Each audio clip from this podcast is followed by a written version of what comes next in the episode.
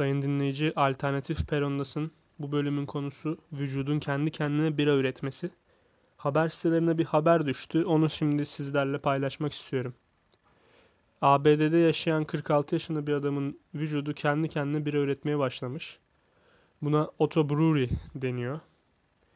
Vücudun kendi kendine bira üretmesi. Daha doğrusu aslında kendi kendine mayalanma sendromu veya gut fermentasyonu sendromu da denebiliyormuş. 46 yaşındaki adamın vücudu bira üretmeye başlayınca yani adam işinden bile olmuş açıkçası. New Scientist dergisinin aktardığı habere göre de bu adam önce sarhoşluğun etkilerini hissetmeye başlamış. Baş dönmesi yaşamış, hafıza kaybı gibi etkiler sonucunda artık işinden de istifa etmek zorunda kalmış. Ziyaret ettiği pek çok doktor hastalığı teşhis edememiş. Hatta bir psikiyatr da kendisine antidepresan ilaçları falan vermiş. Bu nadir görülen bir hastalık. Sindirim sisteminde alkol üretimine neden oluyor. Yani bu yüzden de bu hastalığa sahip kişi yediklerinin alkole dönüşmesi sonucunda sarhoş olabiliyor, sarhoşluk yaşayabiliyor. 2013'ten önce hakkında pek de detaylı bilgi yokmuş bu sendromun.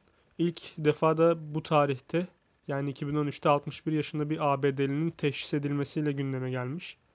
Araştırmacılar Barbara Cordell ve Justin McCarthy yaptıkları inceleme sonucunda hastanın bağırsaklarında ekmek, bira ve şarap yapımında kullanılan bir maya bulunduğunu tespit etmiş.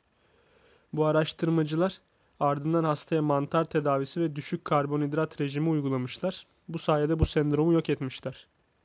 Son 30 yılda 5 defa benzerine rastlandığını söylemiş araştırmacılar. Yine de hastalığın hayatı üzerinde büyük olumsuz etki yaratan bu hastalık hakkında farkındalığın artması gerektiğini düşünüyorlar tabi.